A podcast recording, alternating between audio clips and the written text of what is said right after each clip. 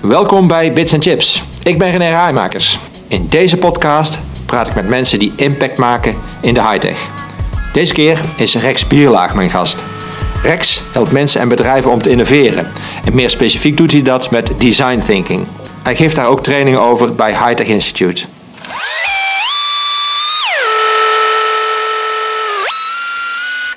Rex, welkom.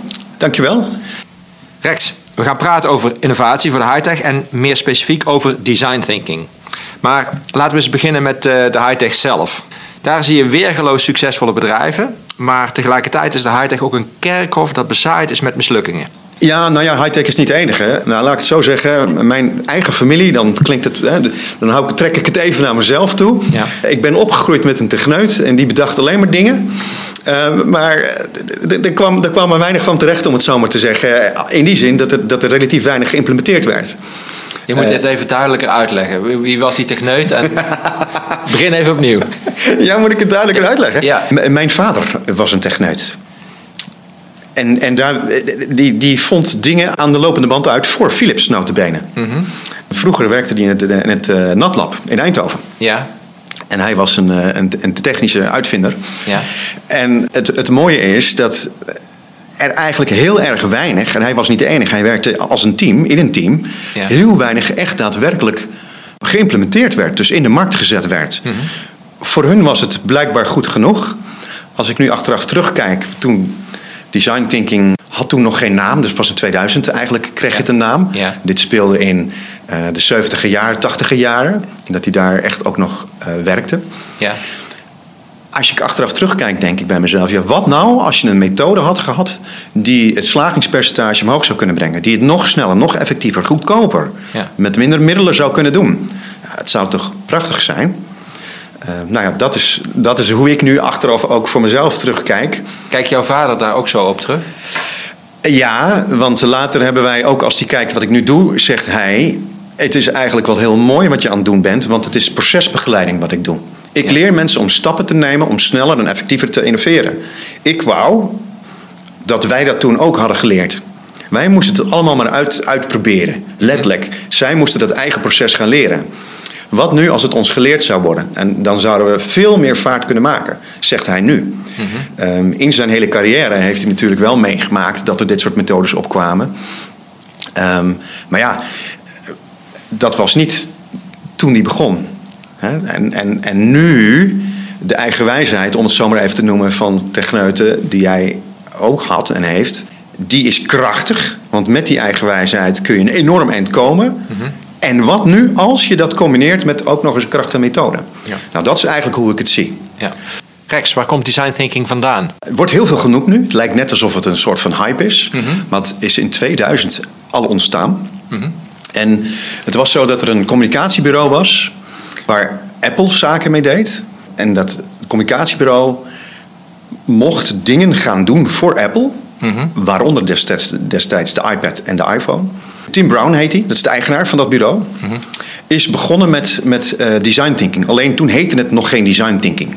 Dus het is al uit 2000 ehm, en uiteindelijk is daar de naam opgeplakt van design thinking. En het gaat erover wat hij heel goed wist te doen, of wat hij heel goed deed, was vragen stellen aan de klant om erachter te komen wat hij nou precies wilde.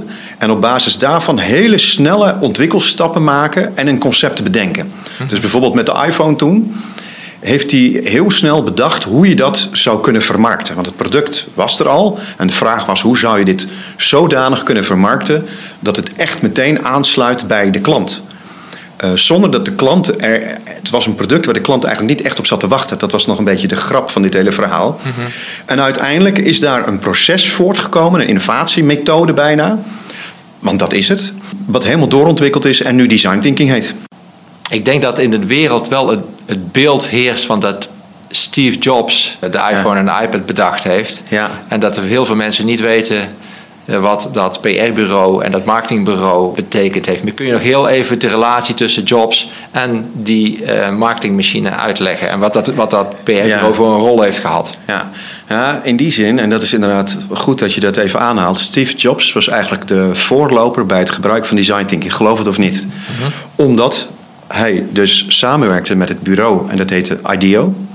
En ze zeggen wel eens, het staat ook in zijn biografie, althans de biograaf heeft dat gezegd, dat hij nooit marketing zou gebruiken, maar dat deed hij wel. En hoe deed hij dat nou? Nou, met behulp van IDEO. En wat deden ze? Ze gingen eigenlijk meteen toetsen hoe iets werkte. Mhm.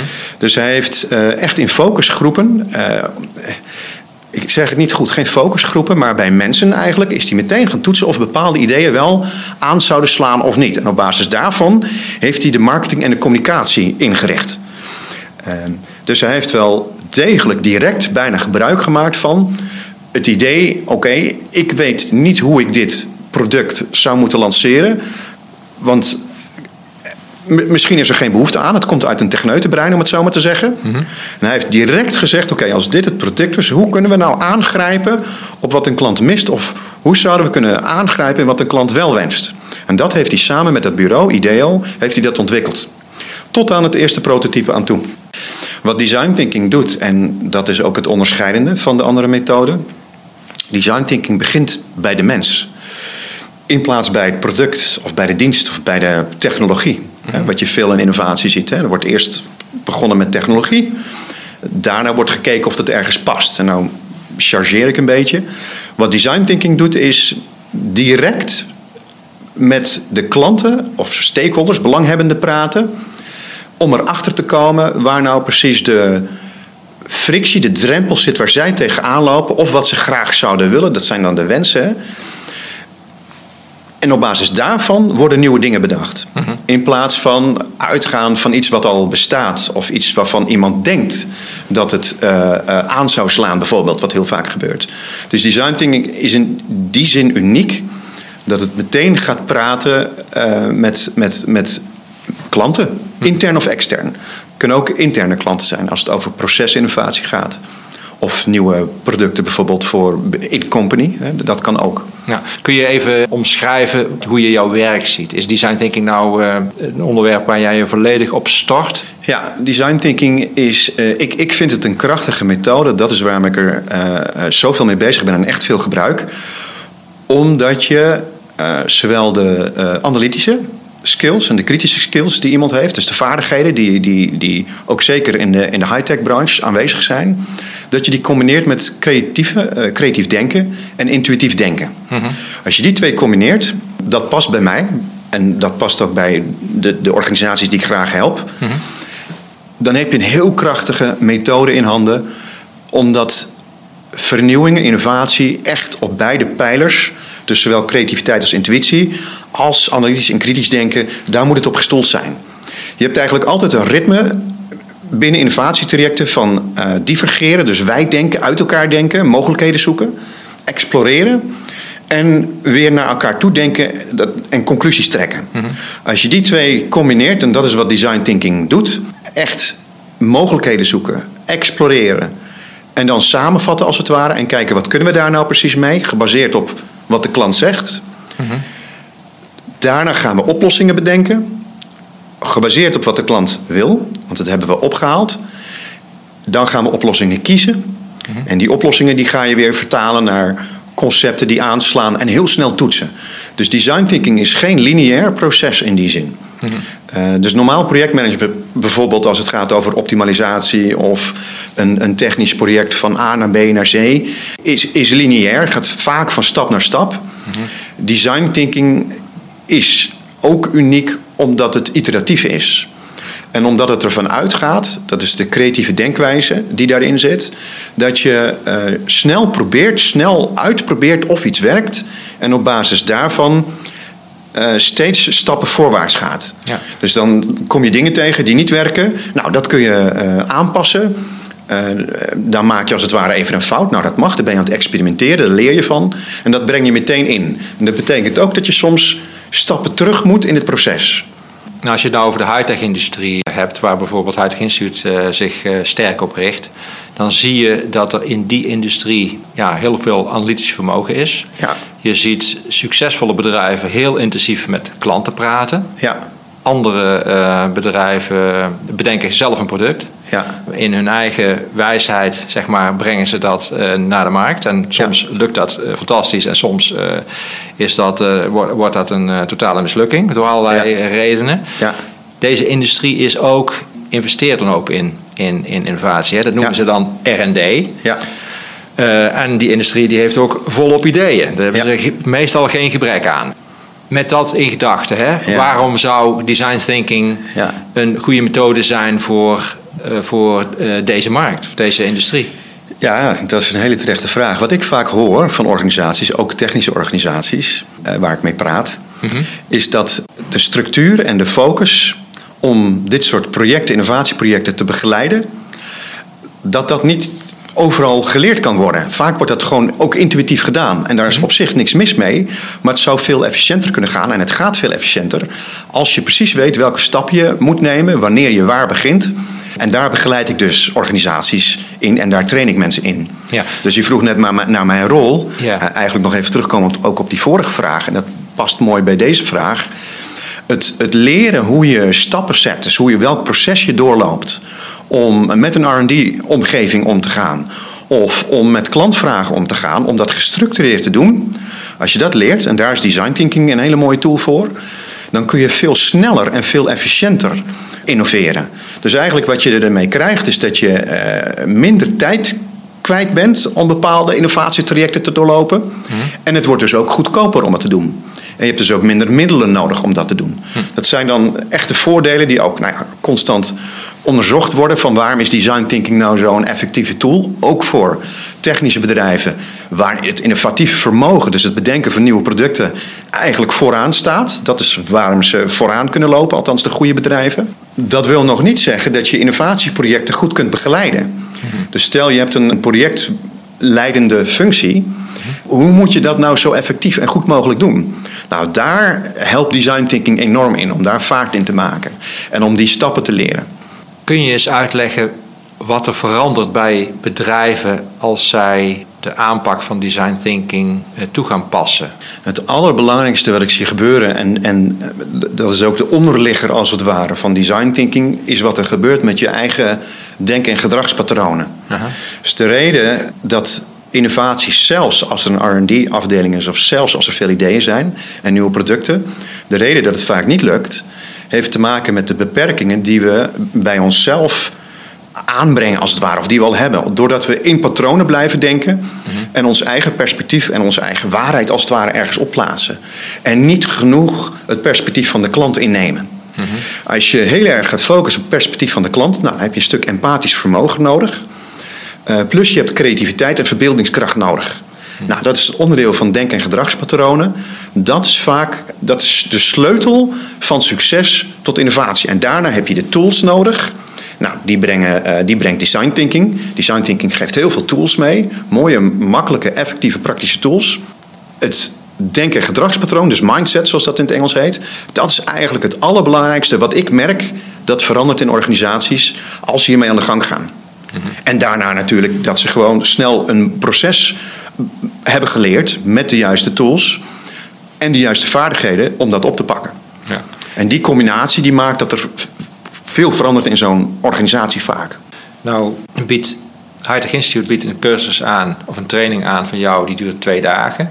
Ja. Jij helpt bedrijven op weg. Dat zijn uh, wat langere trajecten. Ja. Kun je eens vertellen wat deelnemers aan de training uh, meekrijgen en ja, hoe lang het duurt voordat zo'n design thinking traject uh, goed tussen de oren van, van, uh, van de mensen bij bedrijven zit. Hoe, Ja. hoe, hoe, lang ben je daar nou mee bezig uh, om dat te implementeren of om dat aan te pakken? Ja, nou laat ik daar eens mee beginnen. Kijk, als je succesvolle innovatie wil hebben, dus, dus iets bedenkt wat origineel is, wat innovatief is, en echt ingrijpt op de wensen en de, de, de fricties van de klant, uh -huh. dan ben je wel uh, 20 tot 25 weken bezig. Even afhankelijk overigens, denk ik, van de context in de industrie. Maar gemiddeld genomen heb je binnen 20 tot 25 weken heb je genoeg om goede nieuwe concepten in de markt te zetten. Ja, wat is dan het tijdrovende dan? Ja, het tijdrovende, en, en, en, dan kom ik daar wel even terug op wat ze dan in die training mee krijgen. Het, het, het, ehm, ja, als, als dat al tijdrovend is, want 20 weken is best snel in ontwikkeltijd. Maar goed, het, wat het meeste tijd kost, is echt het praten en ontdekken van wat een klant nou eigenlijk wil. Daar ben je een groot gedeelte van de tijd mee bezig. Op het moment dat je dat boven tafel hebt, dan kun je enorm snel gaan. En dan zou je praktisch nou, binnen vier tot acht weken zou je kunnen komen tot, tot iets wat nou ja, getoetst en gevalideerd is en misschien al gelanceerd kan worden. Mm -hmm. Maar tijdrovende, dus waar echt tijd in gaat zitten, is het goed exploreren. En dat is niet een gesprekje van één uur. Je hebt echt een paar goede gesprekken om dieper te komen op die fricties en op de wensen van, van een klant.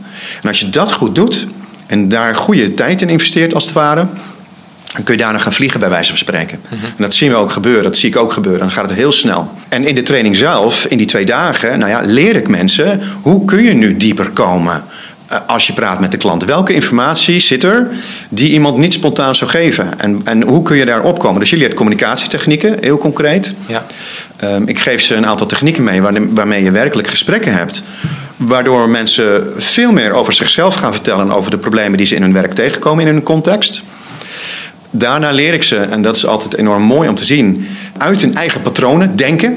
Dus, dus het creatieve denktechnieken, waardoor ze uit hun eigen paden stappen, bij wijze van spreken, uit hun eigen denkpatronen stappen, waardoor ze echt op originele, creatieve ideeën komen, vol met verbeeldingskracht. Ja. Uh, en daarbij zeg ik altijd: iedereen is ooit kind geweest, dus je kunt dat gewoon. Het is een spier die je kunt trainen, bij wijze van spreken. Nou, ik leer ze ook hoe ze vervolgens met die innovatieve oplossingen, hoe ze daar concepten van kunnen maken. Dus hoe ze die kunnen doorvertalen en hoe ze die kunnen toetsen in de markt. Ja. En daarna leer ik ze echt ook visueel denken. Dus het tastbaar maken waar je mee bezig bent. Nou, dat is deze industrie absoluut ook wel gewend. Het maken van snelle prototypes, hè, dus prototypes maken, of van, van software of van een product. Dat, dat, dat gaan we ook oefenen. Uh, heel hands-on, omdat dat makkelijk weer voor te leggen is aan een klant. Ja, ja. Nou, dat zijn eigenlijk dingen die ik ze meegeef in, in een notendop. Zodat ze daarna, met praktisch meteen de dag daarna eigenlijk, kunnen ze stapsgewijs die vijf stappen met de verschillende vaardigheden en de tools die ik ze meegeef, kunnen ze gewoon gaan toepassen en gaan doen. En als je kijkt naar bedrijven die design thinking gebruiken en in de, echt in de kern van een strategie hebben zitten, dus daar hoort bijvoorbeeld IBM bij. Ja. Nou, dat is niet de kleinste, om het zo maar te zeggen. Ook niet in de high-tech-industrie natuurlijk. Hè. Die speelt daar een grote rol in. IBM heeft op een gegeven moment gezegd, en zo zijn er nog meer voorbeelden. Uh, Apple, high-tech bedrijf. Walt Disney, stiekem bijna een high-tech bedrijf. Als je kijkt van welke platforms ze gebruik maken. Het zijn allemaal bedrijven die hebben gezegd: als we in de kern van onze strategie design thinking opnemen, kunnen we veel sneller, veel effectiever, of misschien moet je zeggen nog effectiever en nog sneller, uh, innoveren. Er is zoiets als een Design Value Index, waarin ze dit toetsen. Mhm. Dat soort bedrijven, die voegen enorme waarde toe, letterlijk in geld, aan hun business en waarde toe voor hun klanten als ze dit, of wanneer ze of toen ze dit geïmplementeerd hadden. Dus ze doen het al snel of ze hebben weinig tijd. En toch zie ik uit onderzoek dat dit soort high-tech bedrijven nog enorm veel sneller effectiever kunnen zijn als ze dit implementeren. En daarom ja, durf ik ook echt te zeggen dat dat werkt. En ik, ik, merk het ook in mijn eigen praktijk als ik ermee bezig ben. Het, het werkt, het is een prachtige methode. Maar je, je moet wel trainbaar zijn. Je moet het natuurlijk wel willen, maar dat is eigenlijk met elke methode.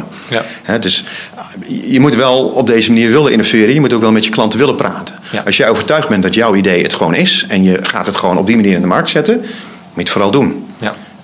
Tuurlijk. Wat daaruit blijkt, is dat uh, er worden ook onderzoeken naar gedaan. 8% van de ideeën slagen. Nou wil nog steeds zeggen dat 92 er niet slagen. Nou mhm. ja, als je het beter wil doen dan de markt, ga dan design thinking leren. Dan kom je boven die 8% uit. Ja.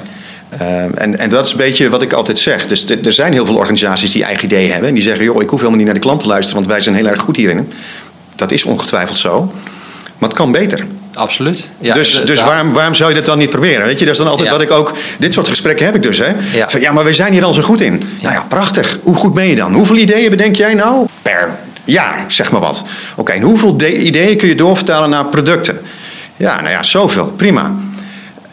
En als je dat dan allemaal doorvertaalt, nou 100 ideeën en dan, dan, brengen ze vijf ideeën op de markt. Dan zitten ze nog onder dat percentage. Ja, het kan beter en design thinking helpt daarin. Uh, bewezen als het ware. Rex, ik uh, dank je voor het gesprek. Dankjewel uh, René, ik vond het enorm leuk om te doen. Dit was weer een episode van Bits Chips. Dank voor het luisteren.